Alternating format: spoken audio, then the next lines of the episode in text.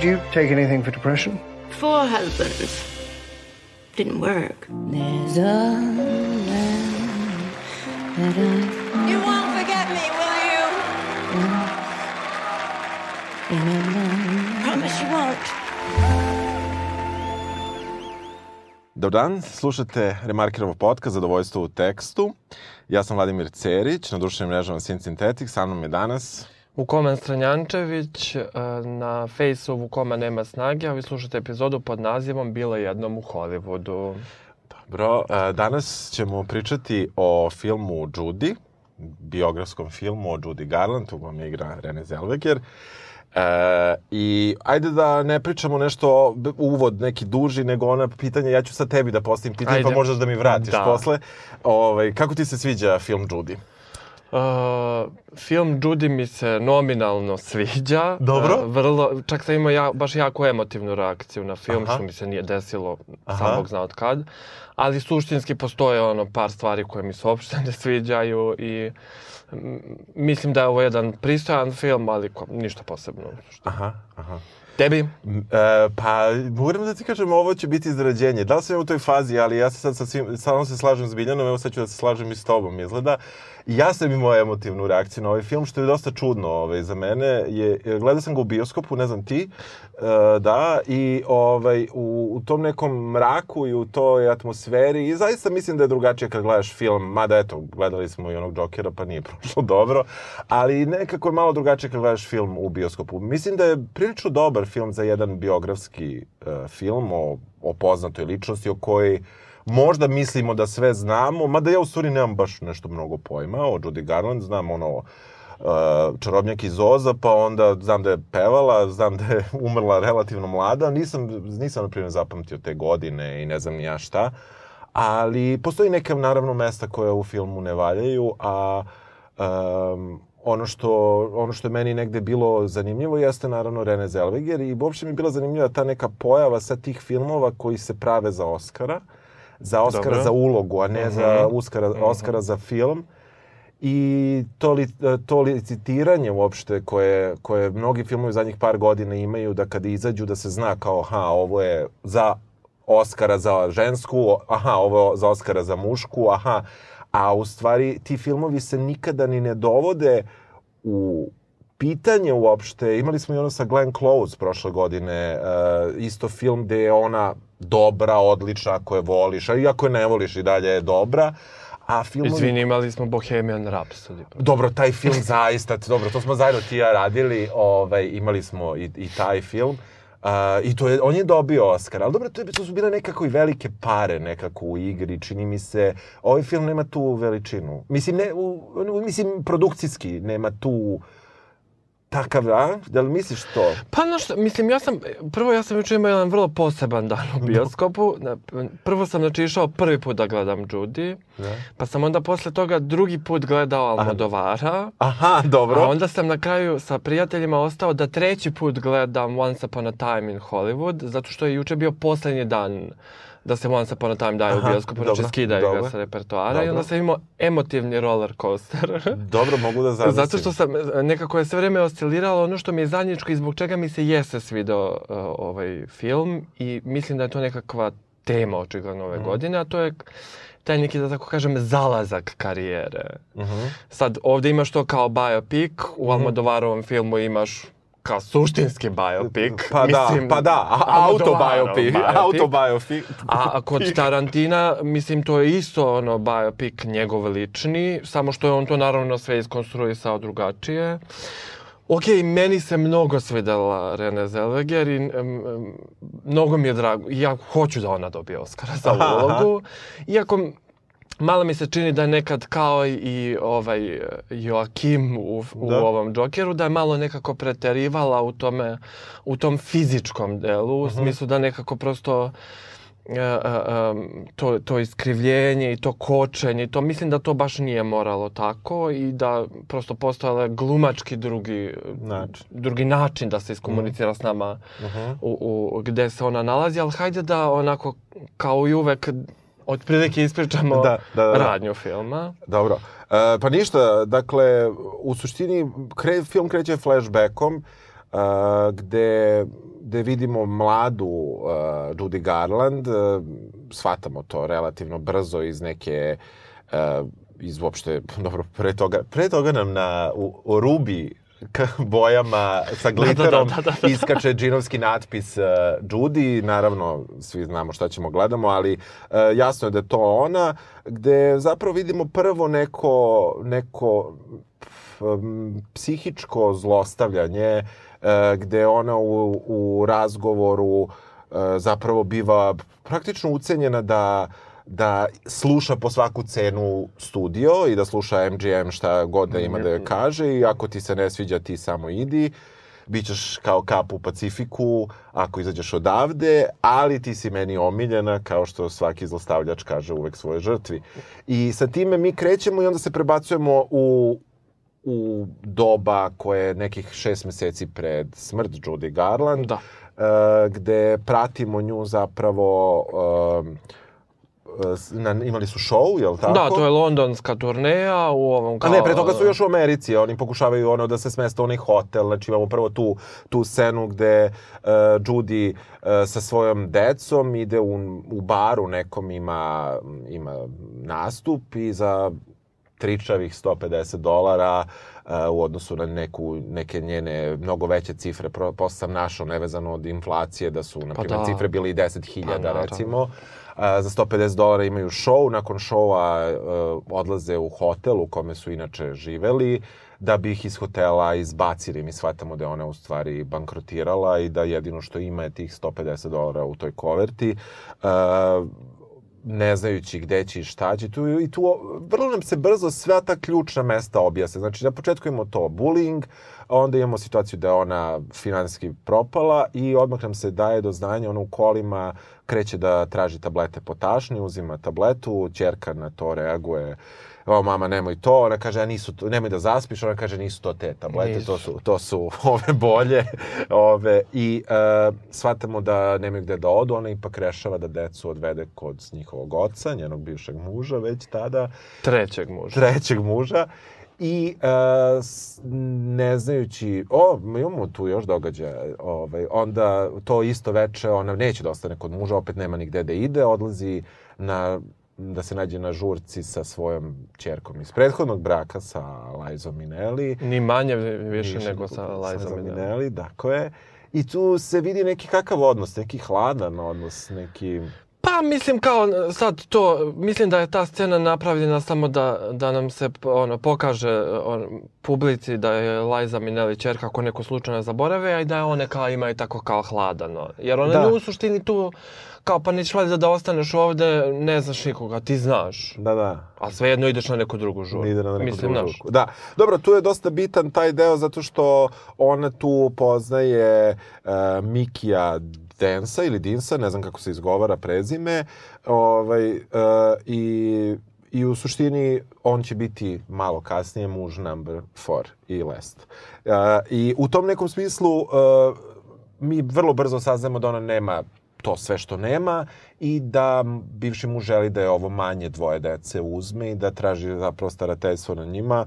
Um, ona priča sa svojim nekim advokatom ili nekim finansijskim savjetnikom ili bivšim menadžerom. Ja ne znam šta je onaj lik, ali uglavnom on je predlaže to da ona mora da nađe neke pare i jedino neko rešenje je idi u London Da. na turneju, ovde te niko neće, pričaju o brojnim nekim, pod, pod, provlače se ti neki njeni neuspesi koje je imala u poslednjih nekoliko godina, gde se nije pojavljivala na snimanjima, gde je kasnila, gde nije bila zbog toga što je bila pod uticajem, pitaj, pitaj Boga čega, sposobna da održi neki nastup, ali eto, Englezi to nisu tu epizodu videli, neko, nekih 5-6 godina ranije su bili neki čuveni koncerti u Palladiumu i tako dalje. Da. I prosto ona treba da ode u London i stiže u London. Kako ti uopšte taj početak filma, uh, jer to je sve prvih 10 minuta, mislim, ovo što sam Pa ja da, pa prepričao. da. Pa to mi izgleda, mislim, kao i svi ovi filmovi koje sam malo pre pobrojao, to je očigledno taj način kao e, da bi se potpuno objasnila situacija u sadašnjosti. Oni koriste kao taj flashback Da. da ti iskomuniciraju da je ovaj Louis B. Mayer ono, vlasnik MGM-a. U tom trenutku nju ne mobingovao, nego zlostavljao i psihički i fizički, ovaj, da ona nema para i nekako te u stvari i tebe i nju gura da ona mora da ode u taj London i nama govori da ćemo i mi sa njom u Da, London. da, da. E, ono, što je, ono što je tu e, isto zanimljivo jeste da, da sad zaista, ali opet, na primjer, u baš u, ovom biografskom filmu o Queenu, ipak imamo neki malo duži vremenski e, raspon. Ovde imamo tu situaciju e, neposredno pre snimanja i na snimanju Čarobnjaka iz Oza, što je manje više nekih opet pola godine. I sledeće vreme koje nam se prikazuje jeste ovih pola godine pred njenu smrt. Znači, nemamo, nemamo neki e, naročito veliki e, period. Imamo veliki period, ali, ali imamo sad u dve tačke koje pratimo i sve što nam se pokazuje zapravo e, prikazuje se u, u tom trenutku. Meni, meni, je, meni je uopšte taj pristup neke negativne kritike koje su bile Uh, uglavnom se svi slažu da je Rene Zellweger dobra, ali uh, zameraju filmu što su za jednu takvu zvezdu uzeli baš taj period kada je ono Falling Star i, uh, i ja, ja zaista s tim nemam nikakav problem što je uzet taj period. Iako to mnogi kao kažu da kad je neko ima tako uspešnu karijeru, da ti baš uzmeš samo taj period, jer zapravo se ni ne vidi ni njen uspeh, uh, oni nisu prikazali njenu popularnost nakon, uh, recimo, izlaska Čarobnjaka iz Oza, koja je bila ogromna. Da, da. Oni su se i tu fokusirali na taj problematičan deo iza scene kada je ovaj maltretira, zlostavlja i tako dalje. Ali ne znam je li tebi nešto tu problem? Ali meni nije, e, meni, meni se to sviđa na nivou, e, mislim, kako kažem, kad kao uzmeš da čitaš šta je Judy Garland proživela ne znam, da slušaš malo te podcaste koji se bave samo njom, mislim da prosto da bi i mi shvatili u, u kojoj se situaciji ona trenutno nalazi, nekako mora da ti se objasni šta je se dešavalo, a njoj se dešavalo to, znači da je to, to dete od 12-13 godina ono, potpisalo ugovor sa MGM-om i da je sa ovim Mikijem Runijem snimila recimo za ono dve godine, pet, šest, sedam, osam film, mislim ja sad stvarno ne znam Da, broj, ali da, da. oni su i pošto su imali izuzetno napet um, i, i, i naporan tempo snimanja, znači oni su je držali na pilulama za spavanje, nekim ono uppers, downers, ne znam kako se Da, zovu da, pilule za razbuđivanje, barbiturat ili tako nešto. I pošto su je konstantno govorili da je ružna i da je debela, jer je ono u isto vreme u MGM-u bila sa Avon Gardner, Gardner i Larom Turner, koje su kao bile ono bombshellovi.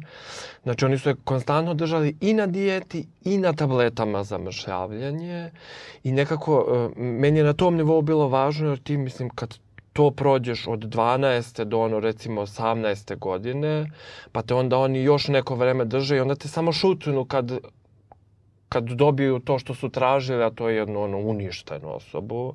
Mislim, ona je postala narkoman sa ono, ne znam, 15, 16, 17 godina. Da. E, na tom nivou je meni bilo jeste, super. Jeste, zato što ba, baš sam i ja taj ugao sam malo istraživao i mene je užasno zanimalo ta, e, ta činjenica da smo, da, da, da prosto na taj način se uopšte o tome ne razgovara, a to je dečiji rad. E, a to je zapošljavanje dece. I u, čitao sam i konvencije Ujedinjenih nacija o pravima deteta i tako razna neka dokumenta, uključujući i naš domaći zakon o radu, koji u desetak članova se bavi uopšte pravima deteta i, i zapošljavanjem deteta. I uopšte nije neobično da, e, meni, meni na primjer, bio zanimljivi članak na Wikipediji, koji, e, na, engle, na engleskoj Wikipediji, koji u primerima dečijeg rada e, navodi razne države, uključujući recimo i Švajcarsku za 19. vek i Sovjetski savez i ne znam ja šta, ali ne navodi Ameriku. Ne navodi uopšte, jer se i u brojnim zakonima, uključujući naš, izuzima rad kada je u polju umetnosti, izuzima se i pravi mu se neka, neka, neka tako otvorena, otvoren prostor da ako ti radiš za umetnost i ako radiš u tako nekom uh, polju zabave, da to nije rad. I, ne da nije rad, nego da prosto zakon se time ne bavi. Onda se me zanimalo kakvi su uopšte zakoni usvojeni ono, po svetu i recimo u Kaliforniji već 39. Do, donet e, zakon o radu i zakon o radu za decu zbog uticaja filmske industrije i kažu da je to jedan od najboljih zakona. On je poslednji put menjan 2004. godine i on u mnogim oblastima tog dečijeg grada definiše kako mladi glumci, pevači, b- igrači i možda sam zaboravio svirači, ne znam ja Dobro, ko još. da. Kako, Prosto kako pokrivaju se tu njiho, oblast. kako, pokrivaju tu oblast, znači kako se, kako se tu uh, radi. I meni je, meni je bilo zanimljivo kako on tako kao uopšte u članku na Wikipediji pohvaljen kao jedan prilično progresivan zakon koji to dosta lepo uređuje i ograničava da dete samo mora da radi 8 sati dnevno, da je to maksimum i da je to samo 40 sati nedeljno, što je, mislim, radno vreme, mislim, da mora da ima 3 časa dnevno nastave, da nastavnik mora da bude sve vreme prisutan, da mora da prati dete, da dete ne sme samo da odlazi e, bez, bez tog nekog nastavnika koje plaćaju ti studiji, e, ni na šminkanje, ni bilo gde i da stalno mora da bude pod, em, pod nečim nadzorom. Sa druge strane, to je 8 sati dnevno. Znači, to je I ako dodaš ta 3 sata dnevno, ako se to i poštuje, hoću da kažem, Da, znači ako se da. sve to poštuje i ti dodaš ta 3 sata dnevno sa tim nekim tutorima, ti opet dobiješ 11 sati apsolutno zauzetog vremena uh, i uh, ono što je, što je, meni, što je meni posebno uh, posebno bilo tu interesantno jeste da, da uopšte primeri uh, primeri raznih zvezda u raznim oblastima show biznisa i zabave, industrije zabave, uopšte nisu navedeni kao problematični na člancima iz Wikipedije. Uopšte se taj, ta oblast ne uzima... Mislim, kapiram da ti je logično, Ne, ne, ali, ne, ali mi je zanimljivo da, da da, da, da, da, se, da, se, da se uopšte to, da se niko time, da se time niko ne bavi. A onda, onim čime se recimo zakon prilično počeo da se bavi, jeste time kada to neko dete zarađuje pare, ko sme da ih troši. Mislim što je, kapiram da je isto bitna stvar, ali to me posvećena dosta velika pažnja, pa kao moraš 15% da ostaviš u neki fond koji će da čeka do tvoje 18. godine i tako lepo to sve kao bude uređeno, a sa druge strane mi imamo more zvezda u raznim oblastima koje su koje su praktično uništene sistemom studija ili nečim što sad podsjeća, ja ne bih da onako ono optužbe bacam, ali meni pada na pamet nešto savremenije, recimo nešto što radi Disney kanal sa svojim malim zvezdama u Ma, naravno, oblasti. ma. I, I to je, a ovde mi vidimo neke početke. Bada, ako pogledaš godine koje, koje se govore, 39. je tu negde godina kada um, kada se i dešavaju i čarobnjak iz Oza i tako dalje. U tom smislu, to je, neka, to je neko vreme manje više koje prikazuje to i kao tu dolazimo do uređenog dela. Ne znam, stravičan je, stravičan je pritisak prikazan kroz te flashbackove i meni su oni u redu, ali ono što posle kreće jeste taj neki njen put uh, u Londonu, da pošto poto zaradi pare i aj sad ti to opiši kako to tebi izgleda. Pa meni je to kao, ono, kao, ona u stvari tu je malo gastos, mislim, prosto ide tamo negde da. u tuđinu da, Da, da, da. zaradi i sad, mislim, to je ono što, zbog čega su ti flashbackovi tako sve vreme na malo i nabijani na nos, da mi shvatimo da to naravno neće ići onako kako je zamišljeno i sad ona tu dolazi, on je vode, pokazuje sve to, ne, ona naravno neće ni da proba, jer mislim što bi probala, ona zna da to može i onda sad naravno kreće. Ne pojavljuje se kasni. Pa ona na prvi koncert praktično ne odlazi, nego Pa dolaze... nego, je, po- nego dolaze ono, ta, ta, kako se, zaboravio sam kako se ta glumica zove, koja kao, ja imao sam tu ono, ne sitnu, nego ono, najveću empatiju na svetu s njom, jer kao to mora da se desi. Da. I sad ova dolazi po Judy Garland i ono, ona, ona kao svesna svega, nju ono, zna da mora da iskora. Da, da, da. I kao taj miks ono blage anksioznosti, jer Da. znaš da moraš nešto da uradiš, a kao opet imaš nekog ko je kao huge star s druge strane. I ona tu, ona nju bukvalno gurne bre na onu scenu. Jest, jest. Gurne na onu scenu, meni je ta scena prelepa. Dobro. Lik ko- koga nismo ni pomenuli, a koji je režirao to je Rupert Gold, Da. koji je u stvari mnogo poznatiji, mnogo popularniji kao pre svega pozorišni režiser, što se naravno i vidi da je pozorišni režiser, jer najbolja scene i najbolja režija mu je kad je ono, ona na, Na- stage na- na- na- Mislim, prosto da. to ti vidiš po tome da je on Je tu onaj dugi kadar koji... e, To, to je onaj dugi kadar koji te u stvari, e, on te praktično te ljulja kod da si malo dete i Jest. ono sklanja te pa te približava uh, uh, Rene Zellweger, odnosno Da. Judy Garland i ti da se nikad više ne identifikuješ sa njom u filmu, tu prosto ono sve što ona pro, proživljava i sve što peva, pritom naravno da Rene Zellweger tu peva i da kida kako peva. Mislim, Da. okej, naravno da Judy Garland peva bolje od Rene I Zellweger. to su mnogi zamerali. Ne, ali onda kad ti pustiš te snimke uživo, znači ono, ako ova hvata jednu oktavu, ova hvata 16 Da, da, oktava. Mislim, da, prosto, da, znaš. da, da, da. Ali sve jedno, meni je, na primjer... Uh, uh, Jel ti okej što, što ne čujemo zapravo Judy, glas Judy Garland? Meni je okej zato što uh, uh, meni je to na primjer nekako uh, prvo mi je autentičnija emocija jer ona to prosto samim pevanjem pokušava da iznese, a ne samo ono mimikrijom Da. na nivou otvaram glas na, na Da. pesmu. S druge strane, mislim, aj, to možemo i posle, postoji sad naravno i taj jedan meta sadržaj Dobro. svega toga, što kao... Dobro, ovo nije naročito kompleksan film, tako da možemo i da se tako Da. prebacujemo. N- Mislim, Rene Zellweger je isto vrlo jednoj čudnoj poziciji u odnosu na Hollywood, na uopšte filmsku industriju. Ta žena se povukla u jednom trenutku, nije bila nigde. Da. I sad ima kao uh, ovaj Comeback. comeback i kao taj Oscar race. Ne znam, snimila je onu neku seriju za Netflix koja ja ne bih Ja sam sad čuo da je uopšte stao, užasna, ali pa nisam ja ni sam gledao. gledao i Da, da. uopšte ne bih sad... Aha. N- dosadno mi je da pljuvam Netflix Da. njihove serije, ne bih Da, ne bi da. se time bavio, ali očigledno je sad važno da ona tu ponovo Aha. ispliva kao neka figura, a s druge strane, kao i Judy Garland za sve svoje postupke, i Rene Zellweger je popila ono toplog zeca zato što se operisala. Što je pre toga ono, imala je Niko Kidman i na što otprilike svi moraju da prođu. Pa se ona tu nešto ustuknula i povukla i nije više prijalo, ali je sad odlučila da se vrati. S druge strane, ne znam da li si primetio da Rene Zellweger i Ellen Pompeo, Meredith Dobro. Grey, užasno liče. Nisu ličile pre, one jezivo liče. Ne u kada je ova Dobro, kao dobro, Judy da, Garland, da, da, da. nego sam pratio intervjue, one bukva...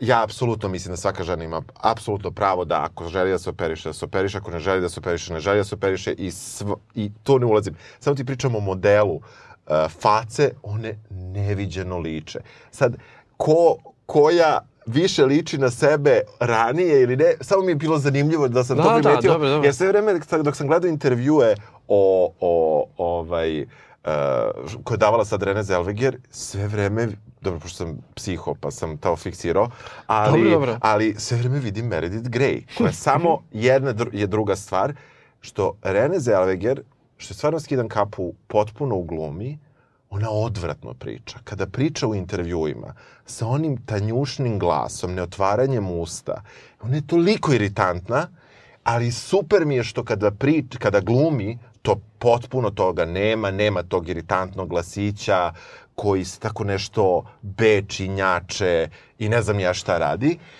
ali je fizička pojava potpuno kao ova. Ne znam, je li ti ne liči? Pa me, da, ja nis, nisam čak ni išao tamo, a ni ne liči mi. Iskreno, čak Stvarno i kad ne liči? odem. Au, dobro. Mislim, evo, da nešto Da, gledam da, slikice, ali ne. Bito je gledaš post-operativne i jedne i druge. Ne ove pre, nisu ličile pre, sad liče. Dobro, dobro, ne, i postoperativno me, Da, da. meni, nekako mi je... Ne, ali dobro, ja mnogo volim Rene Zellweger. i Stvarno, a, ne- jesi slu... a i te, čak kad te njače u tim intervjuima. Ne, ta žena je snimila dnevnik Bridget Jones i Jeste. zadužila ovo čovečanstvo bukvalno koliko je seksi grad. Bukvalno. I mislim da ni za šta drugo ne dobije Oscara, čak ni za ovo. Što možda, mislim, aj sad da se ne bavimo tijela, Da. može da izmakne vrlo lako. Ovaj, em, nekako i, i Chicago koji ja isto obožavam. Dobro.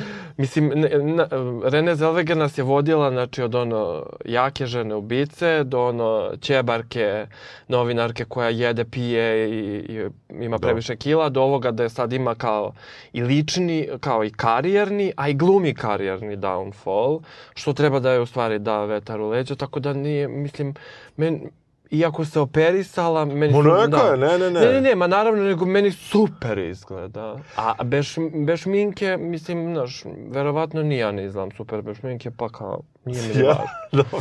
ovaj, ne, a, me- ja sam u jednom intervju slušao, mislim, Irena Zellweger je užasno inteligentna. Ona kada priča to što priča, ona zaista super ego i na pitanja i na provokacije. To je sve u redu, prosto način govore nešto meni užasno iritantno, ali dobro, to sad uopšte nije bitno. Da. I, I u stvari je bitno utoliko što je time u mojim očima veća glumica i bolja glumica, jer se to uopšte ne osjeća u njenom nas, u njenoj glumi, što je meni super, nego samo u njenom, da kažemo, privatnom javnom nastupu kao Rene Zellweger.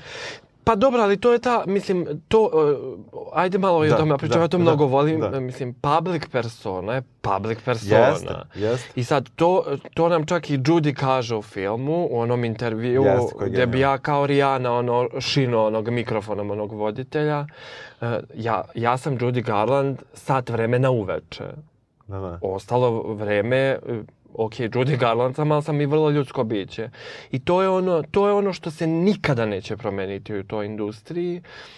Čemu doprinosi sama industrija, a čemu i mi kao publika doprinosimo, ali ne, ne umemo uvek da preskočimo taj jaz. A to je da mi vidimo jedno pred sobom, a da je to neko ljudsko biće. Znači, da li je to pevač, e, pisac, e, glumac, to, to totalno nije važno, ali često nam se zbog tog medijskog spina nam isklizava da mi pred sobom imamo stvarno ljudska bića. Dobro, znači, da. Koliko god se mi učitavali, ne učitavali, imali ovaj odnos ili onaj odnos prema svima njima, prosto, znaš, nekako, e, mnogo se to lako zaboravi i onda budemo šokirani, opet medijskim spinovanjem, kad neko od tih ono, normalnih, zdravih ljudi totalno odlepi od pritiska s kojim se suočava očigledno 24-7.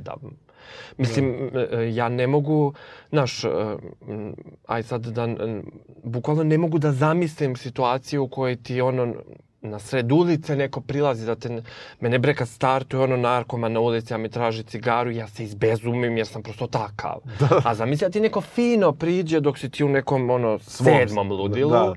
i kao pitate nešto, ti nemaš ono predstavu i ako ga oduvaš ti si odmah govno. Da. A možda uopšte ni, razumeš, možda da, da, samo... možda to, tog dana ti se nije to radilo. Da, da, da, apsolutno. Jasno je da, da, tu, da tu oni, uh, da prosto te javne ličnosti nemaju, nemaju tu neku privatnost koju zapravo na sva, za koju svako treba da ima pravo i na koju treba da ima. Tu, tu nema šta.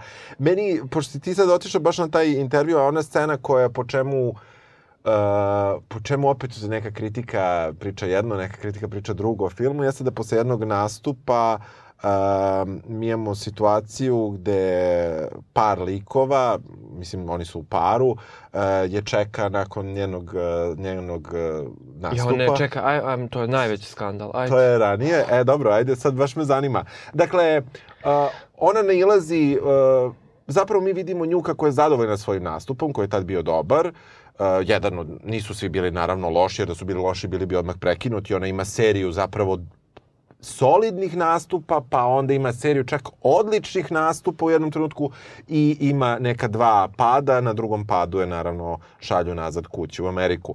A, to je ispostavlja se da, da, da, da je ona tu još neke tezge uradila posle Da. Kopenhagenu i ne znam ja gde.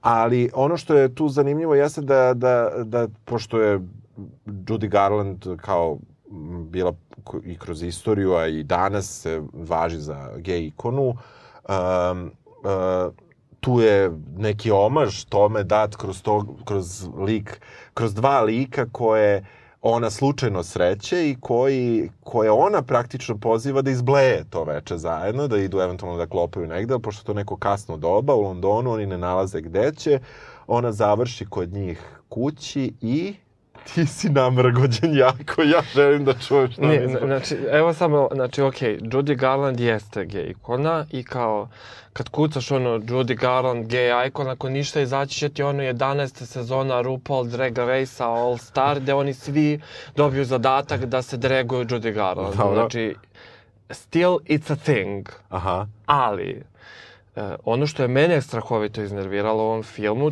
to je što je to e, predstavljeno na, na onaj naj, naj, naj, najgori način, a to je da se sad kao tako uzmu neka dva homoseksualca koja će ona, na, na koje će ona tako eto slučajno da naleti. Pritom, znači nju pozove ova njena asistentkinja e, kuće paziteljka, Da, da. e, s kojom naravno, pošto je žena, ona neće da ide na pit. Naravno da, znaš, dve žene ne mogu da se slože, jer ova jedna je ljubomorna, ova druga je mlada. A onda ova navata ovu dvojicu i bude u fazonu, ništa, ajmo mi momci negde to da se nešto popije, pa kad ništa onda završe naravno kod njih u stanu i naravno jedu neka ono jaja, kajgana, Judy Garland naravno njima prže kajganu, a ne oni njoj. Dobro, ovaj probao, ali ne ume. Ne, ne, to, pa, na- pa naravno da ne, pa naravno da on ne ume, ali naravno da će Ju- Judy Garland i jaja da isprži. nepoznatim homoseksualcima u njihovom stanu i da će onda oni, da će režiser to da iskoristi da on nama predstavi sliku Londona e, koji je u tom trenutku, e, četiri godine, u stvari pre toga, dekriminalizovao homoseksualnost. Dobro, on navodi, ja ću samo da se umešam, on navodi jedan od eh, tih likova kojima sam ja iskreno zaboravio ime, navod, njoj priča o tome kako su bili hapšeni, kako su bili maltretirani, kako su završavali u zatvoru. Znači, postoji to jedan istorijski osvrt na neke činjenice koje su postojale.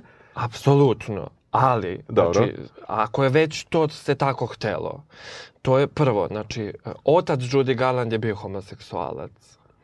E, otac, na Liza, početku. otac Liza Minnelli je takođe bio, ako ništa, biseksualac.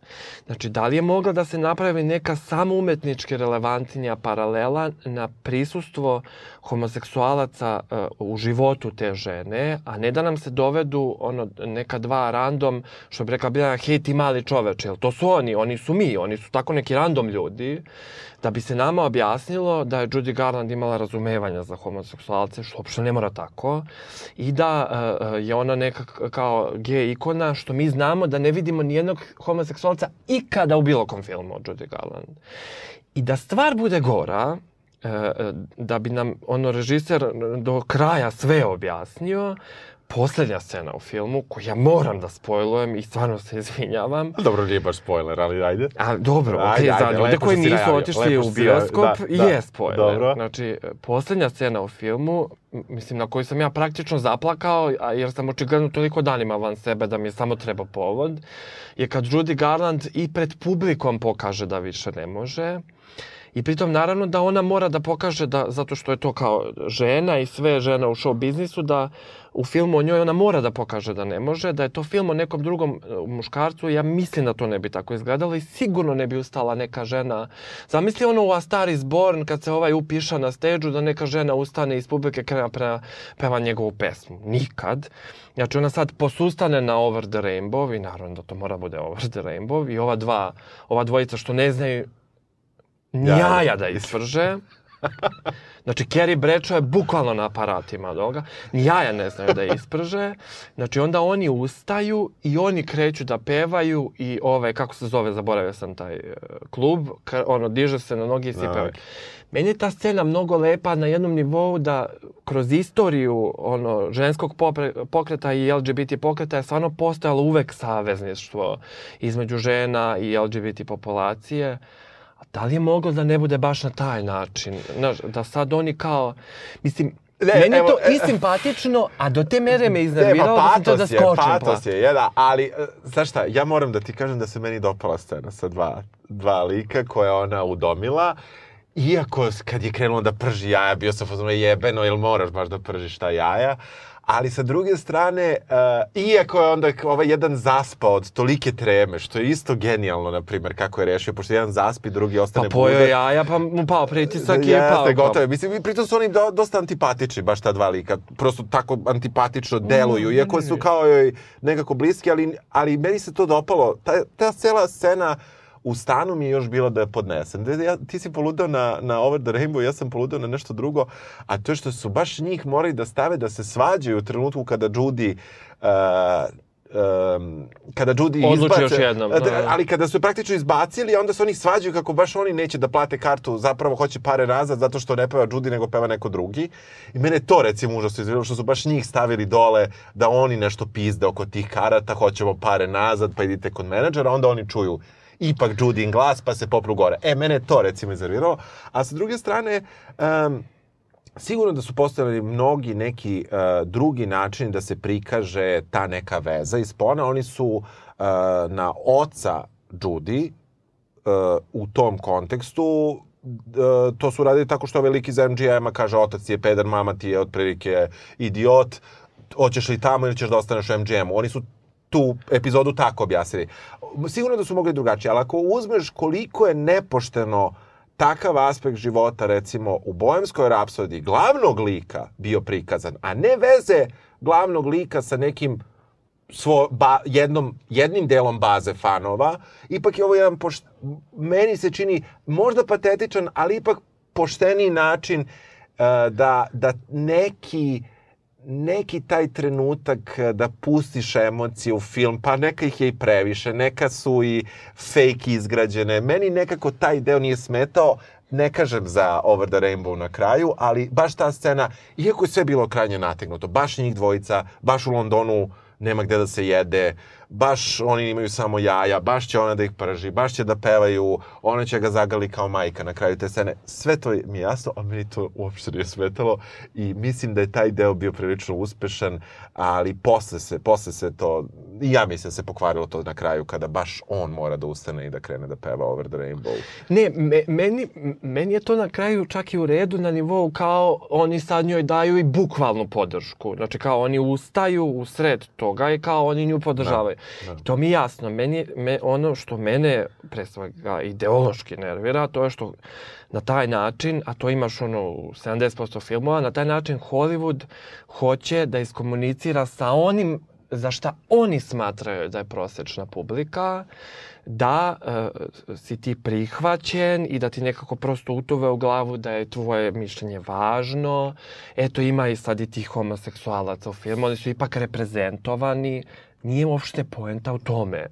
Znači, uh, razumeš da je ona imala ono homofobne ispade u filmu, kao što je Louis B. Mayer, ja bi imao više razumevanja jer bi mi to pokazalo neku stranu njene ličnosti koja možda stvarno njena, a ne fingirana od strane režisera da on nama objasni kako u 21. veku, ne znam, Dobro, mi 20. prihvatamo... 20. Ne, mi u 21. Aha, veku prihvatamo homoseksualce, a on, oni ih nisu prihvatali 20. ne prihvataju ih ni sad. Znači, zakoni su jedno, kao što smo videli za zakone o decu. Pa da. Vrlo su i ovde zakoni jedno, a realnost nešto sasvim drugo. Da, da. Prosto tako. Ne znam, me, meni ta scena nije, nije smetala, iako je apsolutno preterana u svakom smislu, ali negde je, negde, jer šta, je, šta su problemi ovog filma, da kažemo Da, tako. E, problemi filma uopšte kreću od, od, te, od tih nekih stvari koje posle, ja sam zaista nakradnim istraživanjem, a ne prethodnim znanjem, to ću biti iskren skroz, ustanovio da prvo njena deca nisu imale te godine koje su predstavljene u filmu, nego su bila znatno starije i već je bilo potpuno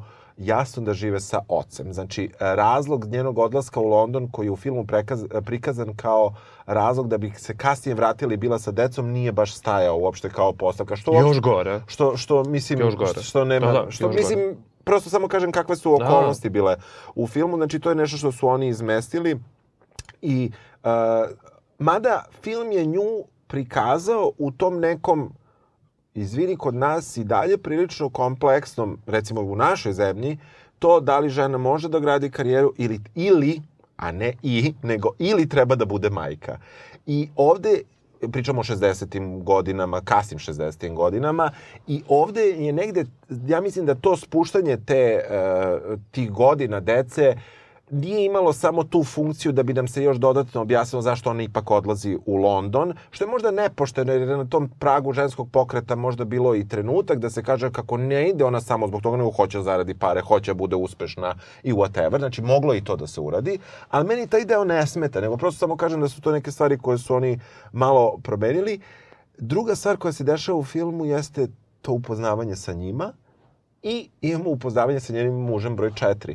Nema tu nešto naročito puno događaja koji o, između toga ona peva manje ili više uspešno, manje ili više pod uticajem nekih substanci i manje ili više uspeva da se održi u, u, u toj sezoni koncerata. To je sve u filmu, toga dalje, dalje toga nema, mislim. Jeste i naravno da, uh, ok, to, to sve stoji što si rekao i naravno da se sa ovim, to je Finn Wittrock u stvari, ne znam jesi, uh, on uh, u American Horror Story, Aha. uh, He's a Huge Thing Dobro. i u ovom Assassination of Gianni Versace ubije ga u jednom trenutku ovaj Andy Cunanan. Stvarno, to je Da, taj ali lik. Da, da, da. Uopšte nisam provalio, dobro, To je nisam nešto se ga maltretira, pa ga... Aha, aha, jasno, jasno. ovaj, e, upozna se i naravno da je to u stvari samo još jedan, jer to je negde poenta ovog filma. Znači, e, e, to je još jedan eksploatator u njenom životu. Jer ti sad... e, Jel jeste? He's a low life, jeste. Znači, on je vlasnik nekog kluba, ono, aj sad da Dobro, dalje ne kategorizujem, dobro, dobro. koji prosto je tu prepoznao je, upo, upoznali su se, on je vrlo šarma, šarmantan, mlad, tako da, da, da, da, da. Ja sam se sve vreme nadao da će to sad da bude ono nešto, ne ljubav, nego da će prosto da bude nekakav problematičan odnos, ne na nivou onog basic parazitiranja, što on hoće da uradi, znači on hoće nju da, on je nju u stvari ne hoće, on je ubedio da ona ustupi svoje ime ono za 10 bioskopa, neki Cineplex Judy Garland i da ide samo na otvaranje tih 10 bioskopa I da uzima lovu. I da uzima lovu. Što se njoj sviđa kao ideja. Pa naravno da se sviđa i meni bi se sviđalo da, Da. uzimam procenat i da samo nešto otvaram. Koliko bi mi bilo, bi mi super. Da, da. Ali se onda naravno ispostavlja, na- pošto on telefonira čas ovako, čas onako, da on naravno hoće u to i on nešto da se ugradi sitno ili manje sitno, sad da ne ulazim. I naravno da mu, da mu kad mu plan propadne, da ta veza automatski puca. Ali ne zato što je ona luda ili histerična ili kako kažu unreliable pa ono, Dobro. canceluju dogovor, Dobro. nego zato što prvo on nije sposoban ni za što u životu i čim se suoči sa sobstvenom nesposobnošću, što ona i uradi, ona bude u fazonu, ti si nesposoban. Znači, zašto nisi zatvorio? On je, on je njoj nešto pre, predložio, ona se složila sa A tim. ja da nisam uopšte to tako video. Mislim, e, ne mislim da on neki uspešan biznis mogul, znači to mi nije palo na pamet, ne mislim uopšte to. Ali, i ne mislim da, ali uopšte, ja sam negde to podveo, jer je tako malo to sve u nekoj ružičastoj magli koja onda postane siva i crna do kraja filma, ali i dalje magla. Ovaj, e, ja sam nekako imao utisak da je on ušao u to, makar kako je prikazano u filmu, relativno iskreno. I nisam video tu neke zadnje namere, makar da su nam direktno pokazane, da sam ja možda mnogo naivan. Ali, sa druge strane... Ma e, nisam, ja mrzim muškarce, sve okej. Ali, okej. Ali, e, meni, meni nije delovao taj njihov odnos e, tu nešto iskrivljeno. Naravno da je to venčanje bilo preko noći, ali nije ni prvo ni poslednje, njeno četvrto. Čekaj, čekaj, čekaj, najjače kad dođe kod lekara i kaže e, da li, da li ste uzimali nešto protiv depresije, a ona kaže pet muževa. Ja sam pao u komu, razumeš? Pa dobro. Pet muževa. Da, da, pa mislim... I nijedan nije pomogao ni u čemu. Znaš šta, e, ono što, ono što je negde e, meni tu bilo uopšte u filmu, postoje ti neki, te neke male scene, neki zaista neki detalji koji u potpunosti objašnjavaju tu torturu koju ta deca, pa onda i odrasli ljudi i, i, i tako dalje, prolaze u tom nekom sistemu tog show biznisa i u tom nekom maltretiranju. To je ona scena kada mi već, ona je praktično oterana sa bine, nju su gađali uh, onim nekim hlebčićima, nemam pojma čime. Uh, zna se da više neće da nastupa, ona je već imala jedno upozorenje kad je isto nešto pijana izašla, pa su rešili da je sklone, pa se ona izvinila, pa su je vratili. Ovo je drugi put i tu se zna da je kraj. Nju, njena asistentkinja i, i, i, i, i da kažemo, vođa benda ovaj, vode na, na, da prosto proslave to šta god da su do tada postigli. I vode na onu tortu. I koliko god da to deluje kao nešto što je, eto, jedan mali, mali neki, možda i nebitan detalj, taj trenutak kada mi vidimo nju kako uzima taj jedan zalogaj torte, koliko god da je to možda izvučeno i koliko god da je možda da ovako kada ja to pretočim u reči deluje kao neki kliše, ali uopšte meni nije bio. Ti posmatraš tu jednu osobu koja pred tim parčetom torte i dalje sa 47 godina nije sigurna u sebe, ne da nije sigurna u sebe, nije sigurna da sme da pojede to parče kolača, jer će a pri tome je izgubila trenutni jedini posao koji ima, nema na vidiku sledeći posao, ne zna da možda i sme da se ugoji 40 kila, što se neće ugojiti od jednog pačeta, pačeta kolača, ali ti gledaš sa kakvim ona skoro hiruškom preciznošću seče jedno vrlo malo, viljuškom uzima jedno vrlo malo parče kolača i shvataš da ona možda nikad u životu nije pojela kolač ili ga nije pojela 30 godina, što je, mislim, stravično.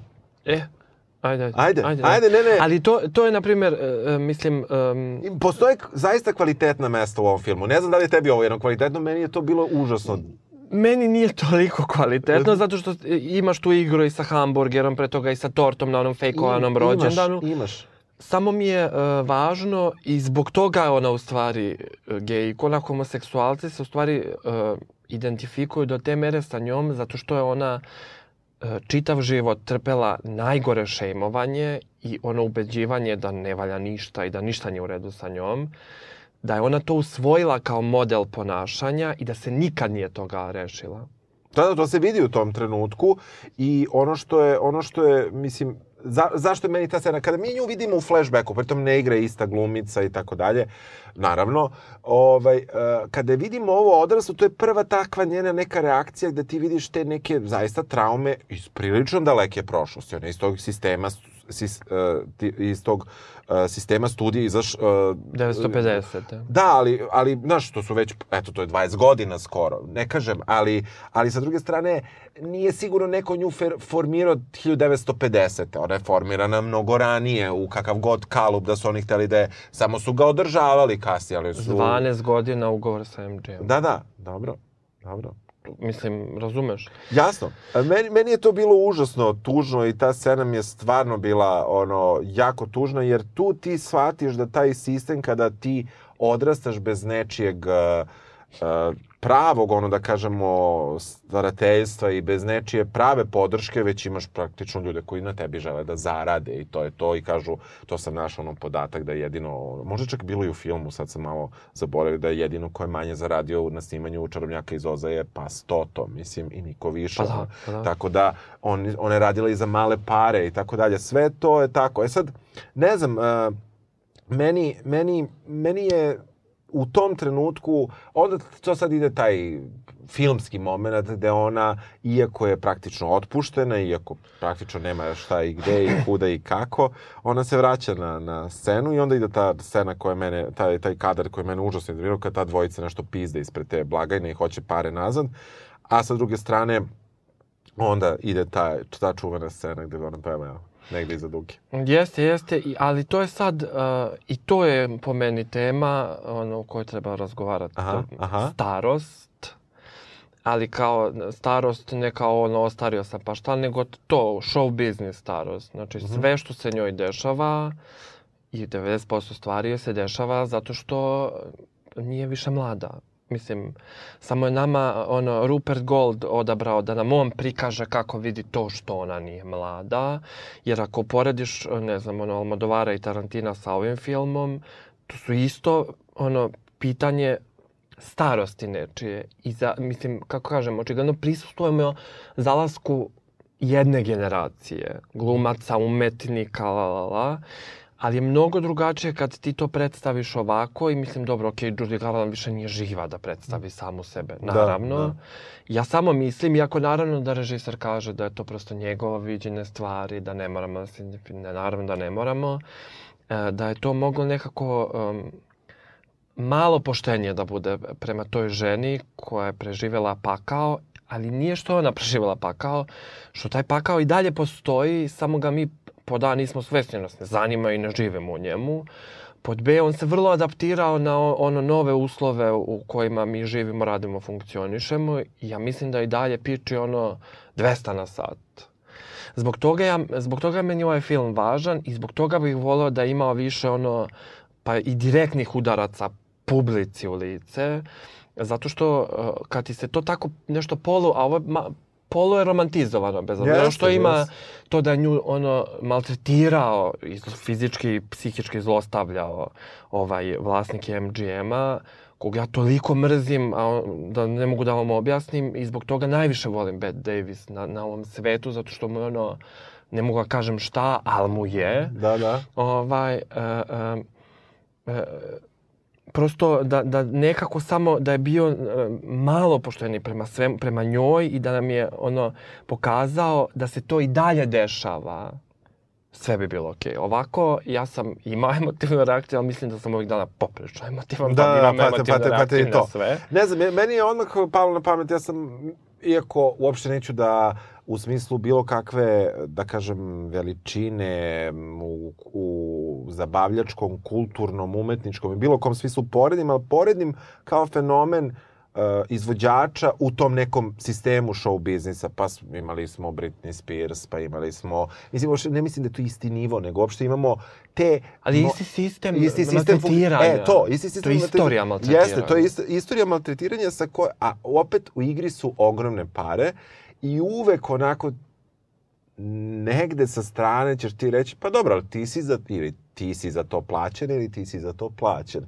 I što je užasno ne fair, jer su to najčešće zaista mladi ljudi kojima se ne omogućava normalno školovanje. To čak i što taj neki kalifornijski vrlo dobar zakon, recimo im da ta tri sata i imaju tog svakog dana, oni se ne socijalizuju. Ja sam slušao neke intervjue sad me ubi kako se zove, recimo Selena Gomez, ili nemam pojma ko, ali uh, kako pričaju o tome da su oni uh, u, tom, u tom nekom sistemu stalno svi bili upućeni na druge, da su svi bili između sebe Pa zajedno naravno, i tako pa dalje, naravno. ali da zapravo pravu... Tražiš saborca. Da, ali prave, pravu, pravu socijalizaciju na svom uzrastu nisu imali, jer su konstantno bili okruženi sa to, još 10-15 glumaca iz te ekipe, koje, ali nisi imao nove ljude, novi ljudi su ti bili ljudi koji su stariji od tebe, šminkeri, kamermani, scenaristi, bilo ko koji u tom sistemu, koga ti viđaš svaki dan, a ovih 10-15 zvezda, niko od njih opet nije socijalizovan u tom nekom smislu, da ide u školu,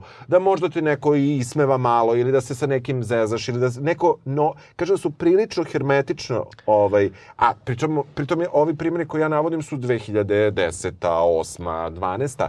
Ne 60. 50. 40. i 30. nego ovaj, dosta i, i, i meni, meni je to ono što mi je užasno negde važno za, on, za ovaj film što je on ipak, iako to kažeš nije on, nije reditelj nam lupio to onako da nam baci u lice da to pogledamo i da kažemo to se i danas dešava, ali ti je jasno da se danas dešava. Meni je jasno da je on hteo da to nekako kaže da ta tortura traje dalje. Moglo je to možda jasnije, ali meni je prilično jasno to. Amy Winehouse u Beogradu, reakcije na to. Znači, ovdje imamo isto tu situaciju, razumiješ, ja se sećam, ja sam čitao tad kada se to desilo, sam bio na koncertu i sećam se da sam posle toga čitao kritike, recimo, uh, i tekstove koji su ne samo kod nas izlazili, nego su, me, me još više zanimalo šta šta je pisao, ne znam, Guardian i tako dalje.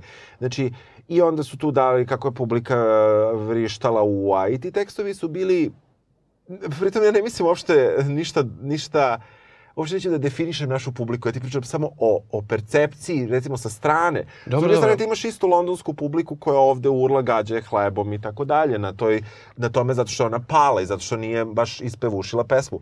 Tako da taj neki odnos prema Falling Star i publike koja na neki način i uživa da ugazi nekog komu je možda uh, ima nečeg, sa, ima nečeg sadističkog u, u, u publici uvek da, da, da hoće da se i nasladi time da nekom ne ide kako treba. Pa dobro, ali oni su svi, mislim, evo sad, pošto smo pomenuli Amy Winehouse, Da. oni su u stvari kao ono, žrtveni jarci. Znači, oni, oni tebi treba da budu isto vreme idol i kao ne, nešto s čim ćeš ti ono, u nekoj svojoj uh, projekciji sebe da se identifikuješ.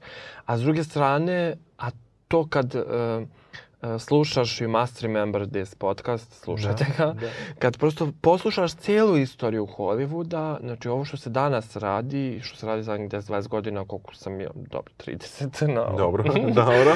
ovaj, e, e, prvo, to je sve vreme rađeno, drugo, oni ti sve vreme njih stavljaju uvek na dohvat ruke, a u tvojoj ruci su onog trenutka kad nisu više poslušni, kad vis, više nisu dobri. Konkretno za Amy Winehouse, ona nije htela da nastupa uopšte u Beogradu. Znači, pošto su, i to ima u onom filmu, znači nešto Da. nije bilo urađeno i nešto nije, sad ne mogu da se setim šta, Mhm. ali znam da ona, znači to nije bilo, ona je, mm, ok, možda je bila pod uticajem nečega, Ma nije ni važno, ali sve vreme, i to se baš u filmu kaže, ona nije ni htela da peva ovde. Da. I onda je ona ispala bad boy i okej, potpisala je ugovor, neko je pljunuo Da. neku kintu za to, sve je to jasno. Ali ja mislim, znaš, zvučim kao neki ono NGO za hollywoodske zvezde, ali nije uopšte poenta u tome. Poenta je da stvarno tu su to neki ljudi, bre, razumeš? Da, da, da. Od krvi i mesa. Ovaj, I okej, ovde smo videli uh, uh, Judy Garland od krvi. Ne i od mesa. Misliš? ne, siguran sam. Da, pa dobro, uh, uh, ta odluka da se uzme jedan prilično zatvoren, te, te jedan prilično mali vremenski period koji je uzet, je sigurno sa sobom nosila neke, neke stvari. Uh, ja sam čuo, pročito sam i kritike koje kažu da li bi se muškarcu, poznatom glumcu na kraju karijere uzelo baš tih šest meseci da se od njemu napravi film, ako je imao neke f- druge, vrlo uspešne i sjajne delove života. Pa naravno da li, da ne bi. Verovatno da ne bi. Sa druge Mislim, strane, ja nisam ovaj film, uh, protu, ja ga ne tumačim kao zlonameran po Judy Garland i to zahvaljujući Rene Zellweger, zahvaljujući načinu na koje ona to odglumila, ne toliko zahvaljujući priči, jer je priča tanka i to je ono najveći problem Pa da. ovog filma. Ona peva kako peva, E, Super, pa. Dobro. Uh, ona peva nekoliko pesama i mislim ja, ja, ću da, ja ću da ti kažem da sam ja nakon toga ipak imao potrebu što ne radim baš često, sam baš želeo da te pesme sad poslušam u izvođenju Judy Garland. Stvarno. Da, Dobro, da, ja sam, ali ja, ja to imam svaki film. Da, da, ovaj, i nekako e, pesma koja nije baš njena, evo ja, ovaj, nekako mi je, koja nije njena, koja, koju nije ona prvo izvodila, a, Moon River ovaj, od Judy Mhm, Garland mhm, mi je, mhm. meni je mnogo bolji nego original, ovaj, ali eto, recimo, to mi je, i dopalo mi se što me film malo vratio da i poslušam to i što me ipak inspirisao, iako je malo tanušan. Ne, ne, dobro, da, ja vo, mislim, da se razumemo, ja volim uh, sve što se bavi uh, Hollywoodom iz tog Aha. perioda, bilo kojom zvezdom. Evo, izašlo je pre neki dan da će Rachel Weisz da uh, uh, bude uh, Elizabeth Taylor u biopiku Elizabeth Aha, Taylor. nisam to vidio. Me, mene to strašno zanima, Da. zato što prvo nemaju nekih fizičkih sličnosti, drugo po temperamentu, prosto me zanima kako će to da izgleda. Ovaj, I na tom nivou meni je bilo zanimljivo i mm, nekako, znaš, ne, posle toga sam imao potreba da zapalim ono 50 cigara, jer ona konstantno puši u filmu, da slušam pesme Judy Garland. Da. Da. Tako da na tom nivou, naravno, ono, svi biopikovi o svakoj hollywoodskoj glumici iz tog perioda zauvek, ono, do kraja života. Nezahvalno je, nezahvalno je o nekoj zvezdi uopšte praviti biografski film, pogotovo nekim zvezdama koje su neko, koji, kod, kada trebaš kod fanova te zvezde da nešto, bilo koje zvezde za bilo šta, da izazoveš nešto. To je stvarno nezahvalan posao i ne znam ni kako se dobro uradi. Dobro se uradi ako si Ryan Murphy, pa uzmeš da radiš feud između Bette Davis i Joan Crawford i uzmeš Susan Sarandon i Jessica Lang. Susan Sarandon da igra da. Bette Davis, a Jessica Lang da igra Joan Crawford.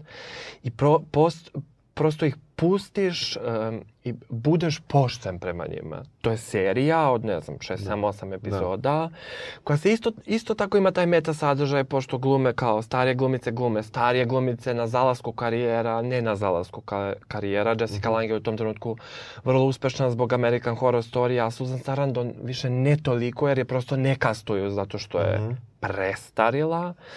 A, glu, I pritom glume je vrlo jedna, jednu, um, jedan problematičan sukob koji je donekle bio sukob, odnekle nije bio sukob, ali je bio vrlo pumpan hollywoodskom Mhm. mašinerijom. Ti kad pogledaš tu seriju, mislim, znaš, znaš ti koliko je to divno. Da. I koliko je on prema njima, kao likovima, ne prema glumicama, Mhm. prosto prema tim likovima je bio pošten i nekako je prikazao i njihovu odvratnu stranu i njihovu lepu stranu. i Nekako je...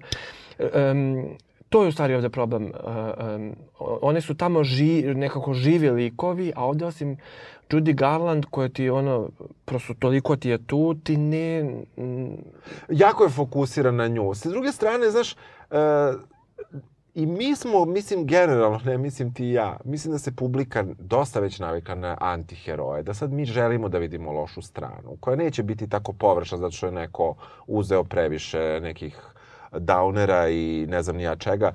Znači, ovaj film to nema. I možda to uopšte nije loše. Da, da, da, bez da, da vređam film i bilo šta ili nečiju glumu, možda zaista nije loše imati neki film koji je za opuštenu nedelju uveče, da ćeš ti posle toga da se osjećaš kako se osjećaš kad se završi ovaj film i da možda ni ne mora funkcija svakog filma i pogotovo ne svakog biopic filma da bude ajmo sad svi ruke gore kao u bo Bojemskoj rapsodi Dobro. ili da ti da sad tebi on mora da pokaže da je neko imao neku groznu stranu i tako dalje. Znači i ta ulepšana stvarnost i to nešto ružičasto kako su oni nju prikazali, pogotovo taj odnos sa decom koji zbog tih godina i tako dalje, ne mislim da ona nije volila svoju decu, uopšte neću da ulazim u to, nego način koji je možda ovde malo delovo preterano na početku, uh, zbog toga što istorijski nije baš najprecizniji, najtačniji, oni pozivi iz Londona sa govornice i tako dalje.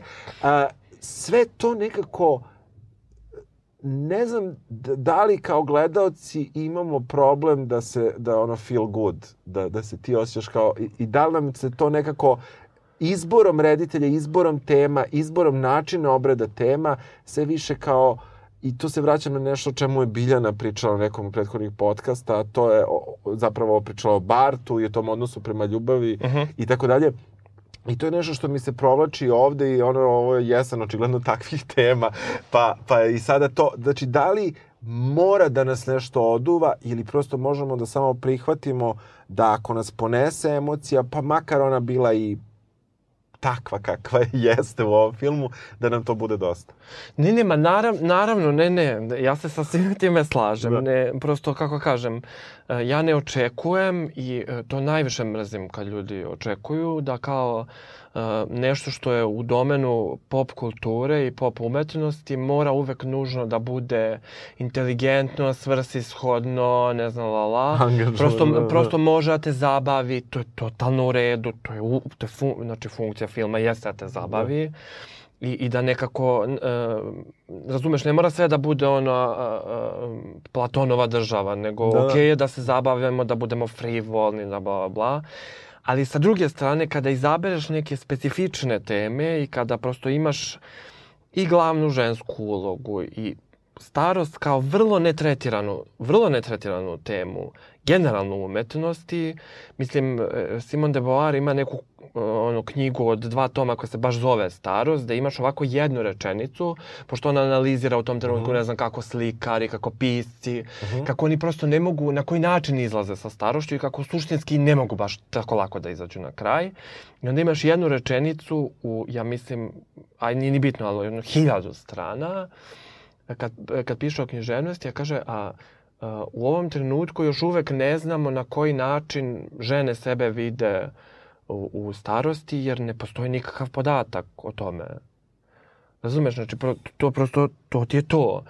A, a, To više da je muški ugao pogleda na ovo nešto tu upravo. Ma mi, mi ne, da, neću uopšte ulaziti. Ne možemo da se probijemo iz toga. Dobro. I to je poenta ovog filma. Dobro.